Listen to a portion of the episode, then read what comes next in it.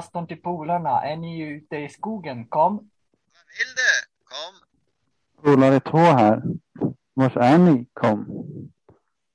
Polare tre här. Jag kommer. Kom. Okej då, rappa på. För vi ska snart spela in ett avsnitt. Nu kör vi. Kom.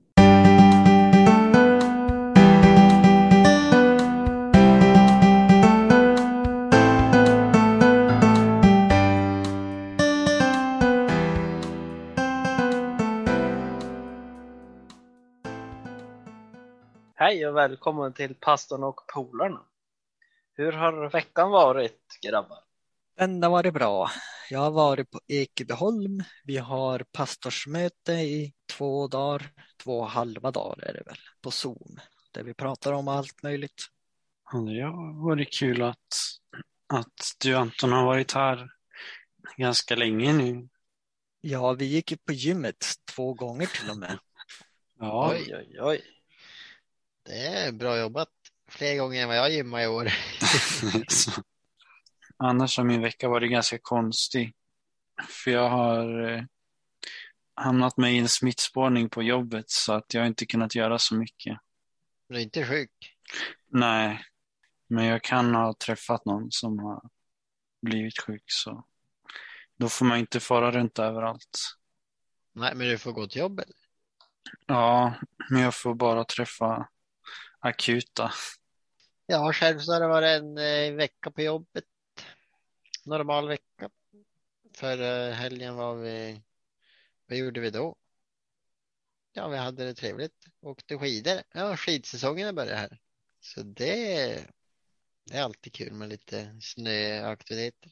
Ja, nej men du, då så hörs det ut som jag har haft en bra vecka så långt. Men då ska vi till dagens avsnitt. Idag tänkte vi prata om döden. Döden är något som drabbar alla, vare sig vi vill eller inte. På något sätt kan jag lova att eh, om du mött döden, lova att du kommer att möta döden. Och eh, kanske har du mött döden nära på, alltså familjemedlem eller när vän eller kanske husdjur eller eh, ja, någon som du var, eh, var, var glad i helt enkelt. Eh, och vi ska prata lite grann hur vi kan relatera till döden. Ska vi bara strunta och tänka på det? Ska vi bara låta känslorna gå förbi oss? Eller kan man, ska man tänka på döden hela tiden? Eller blir man deppig då? Eh, så idag tänkte vi prata lite grann om det, ha några bibeltexter som handlar om döden och eh, vi kommer också att dela några erfarenheter. Så vi börjar väl med några bibeltexter och eh, jag har den första här då, som är från Predikaren kapitel 9 och vers 5. Där står det så här. De levande vet att de kommer att dö, men de döda vet ingenting. De har ingen belöning att vänta och man ska inte ens komma ihåg den. Ja, vad har vi ser ju här att eh, det levande, jag vet att det kommer att dö, eh, det är ju ganska enkelt att förstå. Vi förstår ju att vi kommer att dö, eh, men sen, eh, den andra delen här, men de döda vet ingenting. Där är det väl delade meningar i världen, höll jag på att säga. En del tror att man att, att eh, själen eller någonting lever vidare och så. Men eh, de döda, de vet ingenting. Det står ju där och andra texter, jag tror till andra texter i Predikaren 9 eller så beskriver att döden är som en sömn. Så det är inget som liksom lever vidare efter att man dör, för att då dör man inte.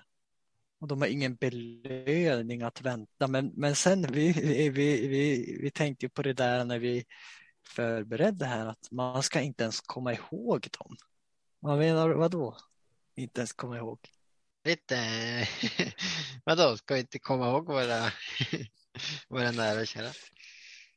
Jag tänkte lite då på hur många personer genom historien som man inte känner till.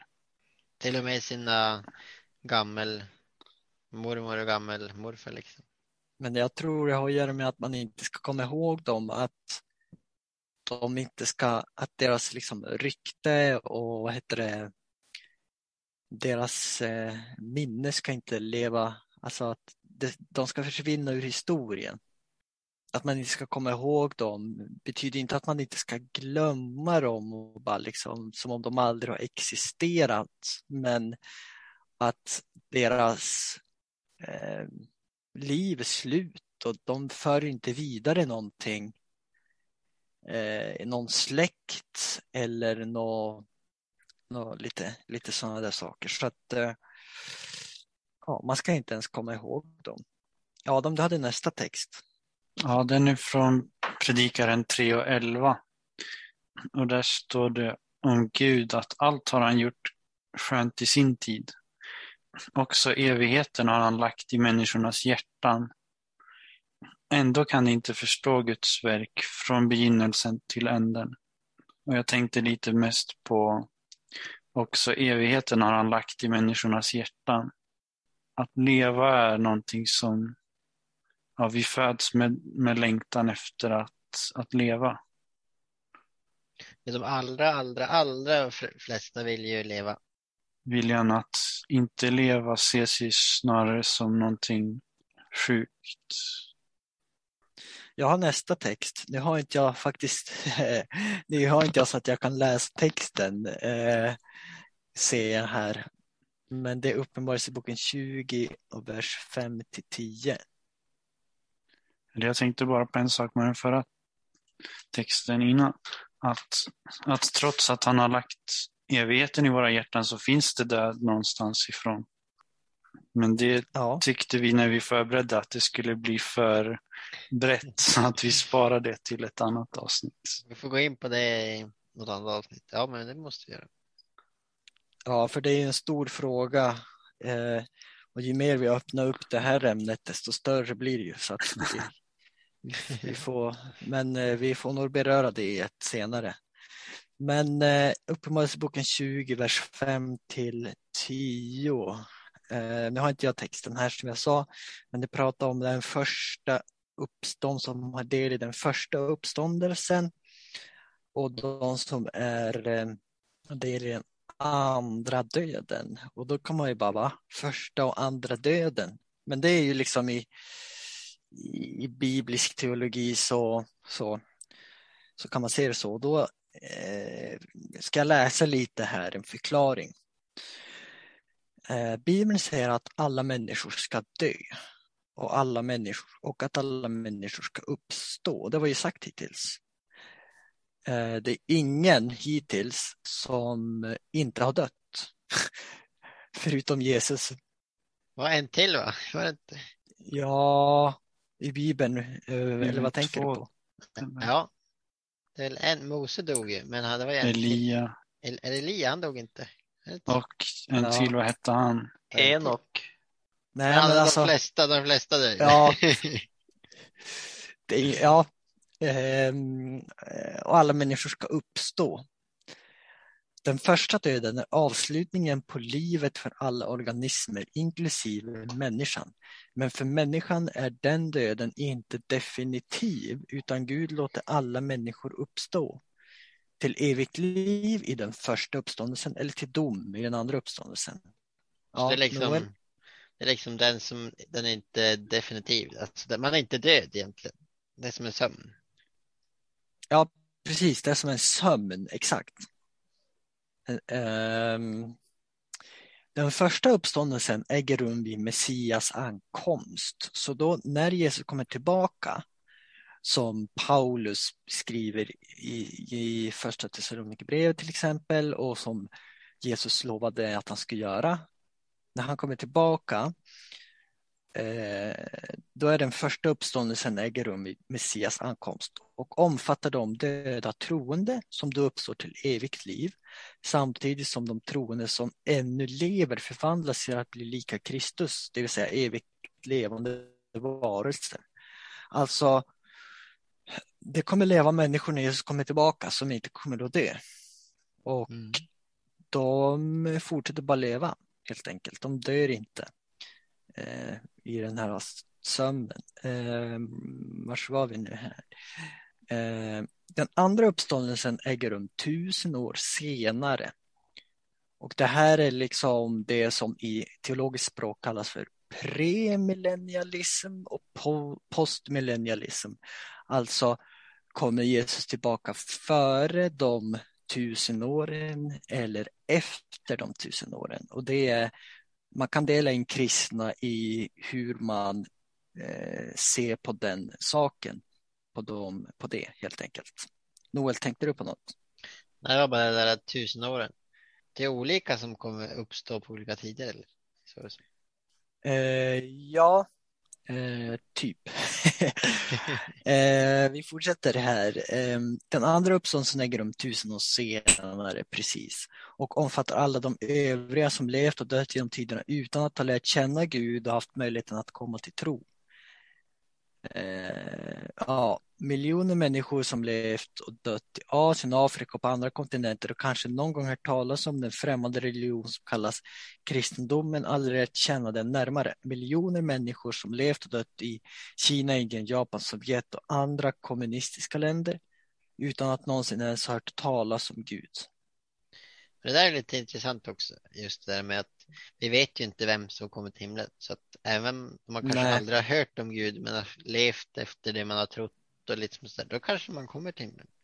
Så det är ingenting vi vet. Nej. Eh, vi, vi fortsätter. Miljoner människor som av uppfostran och kultur och miljö format attityder som gjort att de inte kunnat tro. Ja. Nu, tusen år efter den första uppståndelsen, alltså de troendes uppståndelse till evigt liv, uppstår alla dessa för att bedömas i det som brukar kallas uppståndelse till dom eller den yttersta domen, för det pratas det om i Bibeln. Dom och den yttersta domen och det är då. Eh, de, de uppstår följaktligen som fysiska varelser och ställs precis som det som nåtts av Guds kallelse i sitt liv inför valet att följa Gud eller inte, evigt liv eller evig död. Den som väljer döden dör en andra gång, den andra döden, och den döden är definitiv. Det är en evig död.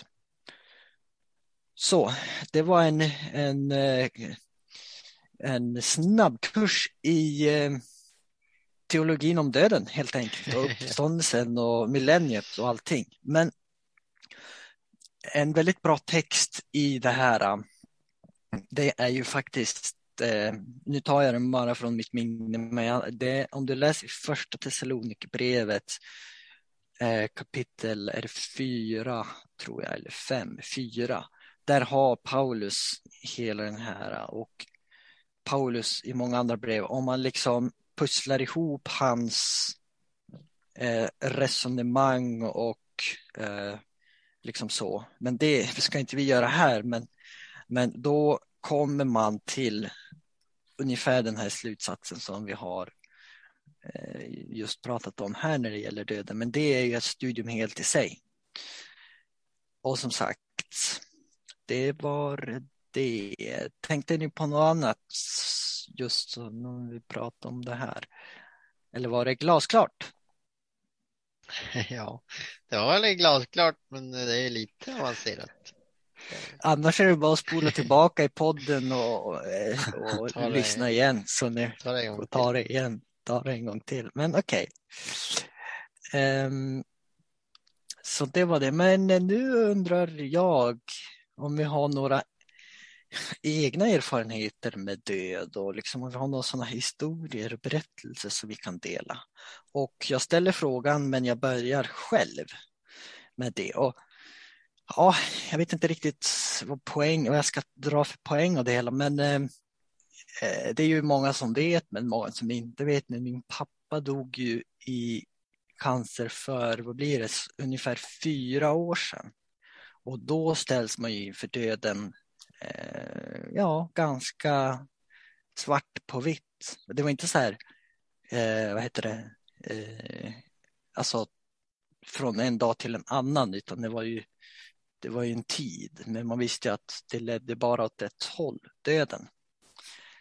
Eh, men, eh, så, och det är lite skillnad om man upplever döden som i en trafikolycka där det sker bara på rakt upp och ner.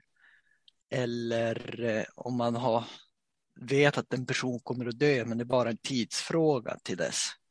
Men för oss var det ju bara en, en sån där lång period tids, tids, eh, tids eh, ja, en tidsfråga. Men det som slog mig var ju hur pappa i det här fallet, men man hör också andra människor som ligger inför döden att det blir att de själva liksom accepterar det och förstår och liksom släpper taget om livet. Och sen när de väl har gett upp ja, i, i sinnet eller vad man ska säga, då ger kroppen upp och då och det var väldigt tydligt eh, i mitt fall. För eran pappa, alltså Per-Erik, eh, han eh, kom, och det var väl så, nu blir det kanske lite lång historia här, men han var, han var på väg till Slussfors vid det här tillfället. Pappa låg och det var bara en liten, ja, bara en tidsfråga. Och Per-Erik kom eh, och det här var på han kom till oss på en fredag förmiddag. Ja, Noel, tänkte Ja, du? vi, ja, vi bodde väl i Norge så han kom väl upp från, eller från, Sluss, eller från till Slussfors då? Från, Ja, precis, i den tiden. Och kom och, och, och besökte oss då på fredag, på en fredag. På förmiddagen, morgonen så här. Och liksom, han, han, då hade ju pappa legat lite sådär av och till och liksom så ett Eh, stund. Men jag kunde prata och kommunicera och lite sådär och Per-Erik var där och vi gjorde liksom sådär. Ehm, jag vet och det slutade med att eh, Per-Erik fick en liksom en ordentlig liksom handskakning där på slutet. Och så åkte han hem och sen bara några timmar senare på eftermiddagen då, då, hade, då hade ju han dött pappa. Och Per-Erik, han- jag vet att han, han brukar ha nämnt det här, han blev så förvånad över att det var en sån klar, liksom, att det gick så snabbt, precis som att han hade legat där och väntat på det där och sen kunde han liksom ge upp och, och eh, ja, Mm. somna in. Och det var, ja, det var tragiskt, men det var ändå en, en, en kraftfull upplevelse på ett sätt. Eh, Det är en stark, stark upplevelse. Ja, det är en stark upplevelse.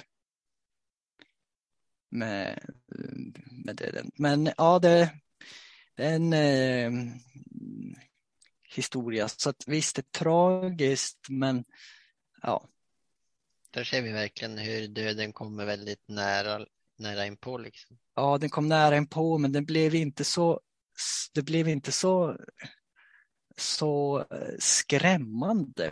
För liksom, det blev så tydligt att han gav upp bara och så, och så dog han. Ja, och så är det ju eh, såg jag att han hade ju ett lugn inom sig. Att han visste vart han, liksom vad som ska hända Ja, precis. efter döden. Eh, man har ju hört, eh, det finns ju många som ligger och har det väldigt jobbigt och vet ju inte vad som ska hända eller vill fortsätta leva. Nej, och har ångest ända in till slutet. Mm. tänker, finns det något kanske av det som vi pratade om lite mer teologiska som har hjälpt dig i hanterandet av, av det här? Ja, men det var ju helheten med att man, att det här med att döden är inte definitiv på så sätt. Och, och att det kom, alltså att man hoppas, alltså hoppet är inte slut bara för att en människa dö, dör här och nu, utan man hoppas och tror på en uppståndelse och eh, ett evigt liv. Och det, för en del människor kanske det bara är rappakalja, men för oss som tror på det så är det en enorm styrka och, och, och det gör inte döden lika tung eh, att bära. Så det är väl egentligen det. Men det var, det var, det var lite av mig. Nu vet jag att Noel hade någon annan berättelse här. Du får dra den, den är väl lite spännande. Ja, den tycker jag är spännande i alla fall. Han om Per-Erik igen. Det var mycket snack om Per-Erik, Ja. Noel och Nathanaels pappa här helt Han plötsligt. har ju varit med om lite grann. Ja, det var, jag kan ta det från början. men Det var från, för eh, cirka åtta år sedan när jag och pappa, vi skulle ut och köra lite skoter. Nathanael han var ju med stora grabbarna och körde och jag var lite mindre men jag fick, vi tog varsin skoter i alla fall och så körde vi. Vi skulle upp till eh, hubben för ni som vet. Gratja-hubben. Gratja-hubben. En liten topp där i närheten av Slussfors där vi kom från. Så då var det på en sån här, då körde vi på sån här skogsbilväg som eh, inte är plogad. Och det var dålig sikt. Snöblint som vi säger. Stockholmare vet inte vad det betyder. Men Flatljus hörde jag att de sa på radio. flatljus. Jaha. Är det svenska kanske? Ja, snöblint flatljus. Så man såg inte konturerna liksom hur det gick upp och ner riktigt. Och så låg vi och körde där. Vi körde inte så fort. Vi var ute på söndagstur som man säger. Och så kom vi. Det var oploge och så kommer vi och då blev det helt plötsligt, för då kom det en annan väg och så var det plogat och så var det en stor snöhög som man hade skott upp. Och den var ju, den såg man liksom inte. Så då körde han först och så körde jag en bit, ja kanske en 15, 20, 30 meter bakom. Och så såg jag bara hur han flög iväg och försvann. så det, och jag tänkte, vad, vad hände där liksom? Så jag körde ju runt högen för jag kunde inte köra över honom. Körde runt den och så låg han, för då hade han ramlat av skotern och låg där på marken och så låg, stod skotern eh, ja, kanske 25 meter längre fram egentligen. Då hade han flugit, ja, jag vet inte om vi, jag vet inte hur långt det var, men det var, det var bra många meter faktiskt. Han var inte beredd på det, så han fått styra upp i, i halsen, ja, på hjälmen och grejer rakt under hjälmen på Rakt under halsen. hjälmen liksom. på liksom hakan och halsen upp mot där. Ja. Så han trodde ju han hade brutit nacken för han, för han låg liksom där och, eh, och så hade han med det som han, ja, och så hade han liksom skada så han kunde typ inte prata heller. Så man, man trodde att eh, nu, nu dör han ju liksom. När man stod där, bara jag och jag var inte gammal, vad var jag? 13-14 år kanske. Men då fick, eh, fick vi leta fram hans mobiltelefon och så ska jag ringa. Men jag, jag vågade inte ringa ambulansen. Jag ringde mamma först. hon var på, så då ringde jag hon. Mamma du måste komma, pappa har gjort illa sig, sa jag. Du måste snabba dig, sa jag. Snabba dig. Så hon slängde sig i bilen och så var på väg. Och så ringde vi ambulansen ja, och, och förklarade att, eh, att vi skulle möta en röd kar- som vi sa. Men det var inte den bilen vi körde, det är en annan historia. Och så kom hon och så fick vi innan det, eller ja, det kan jag berätta att han trodde ju att han, för då kom han sig på benen, eller på benen, han kröp fram till skotern och så och sa han, "Ah, jag måste köra ner till vägen för att han fick bara ett huvud, han skulle köra ner till vägen och möta mamma liksom. Jag måste köra ner till vägen. Så han skulle köra skoter sa han. Så eh, han skulle dra igång men han fick inte till det eller någonting. Så jag drog igång honom och så körde han utan hjälm knallvit i ansiktet ner efter den där vägen som var plogad. Då. Körde han så här, eh, såg helt vilt ut. Och jag körde efter honom. för jag måste ju köra efter tänkte jag. Och så kommer vi ner och så mötte mamma bara just när han hade kört en liten bit för det där gick inte något bra. Och då fick han in i bilen och då satte jag mig i baksätet. Hon satt fram och han satt fram då. Och då, då, då började vi åka då ner mot eh, Storuman, mot ambulansen vi skulle möta, för då ambulansen var på väg från Storuman. Och så skulle vi, och så ringde vi ambulansen och liksom hörde med dem. Och då kunde han prata lite och så försvann han helt. Och då bara såg man ögonvitorna i, i, i ögonen. Är det det man säger? Ja, I ögonen på honom och han liksom helt, ja man, vad heter det? Det är inte, medvetslös heter det. Han Ja. blev ju medvetslös då. Och då trodde jag att nej men nu, nu dör jag. Så man satt ju i baksätet och bad och ja, man, man kom ju liksom nära, man kom ju nära döden och liksom helt annan, ja, det är liksom en helt annan setting än vad man tror annars kanske. I alla fall då till slut då mötte vi ambulansen och han eh, kom, fick helikopter ner till Lycksele lasarett och, och, och sådär. Och så gick det bra då för han, och, för han hade hade ju svullit lite men inte helt tätt så att han kunde andas så det var ju det viktigaste. Och nacken eh, klarade sig bra men han hade brutit ett ben i halsen då. Så han kunde ju nästan inte prata på flera månader. Men eh, sen sa han en gång att när man kommer i en sån där situation, liksom när det är så brått och en olycka och sådär, då finns det ingen tid för att vända sig till Gud och liksom lära känna Gud. Utan det Nej. måste man, eh, det måste man göra innan. Så det är därför vi, vi måste liksom överlämna oss till eh, Jesus varje dag. För att när du, när du, det går inte att omvända sig i en sån där olycka liksom. Då är det, så det var en, en tanke.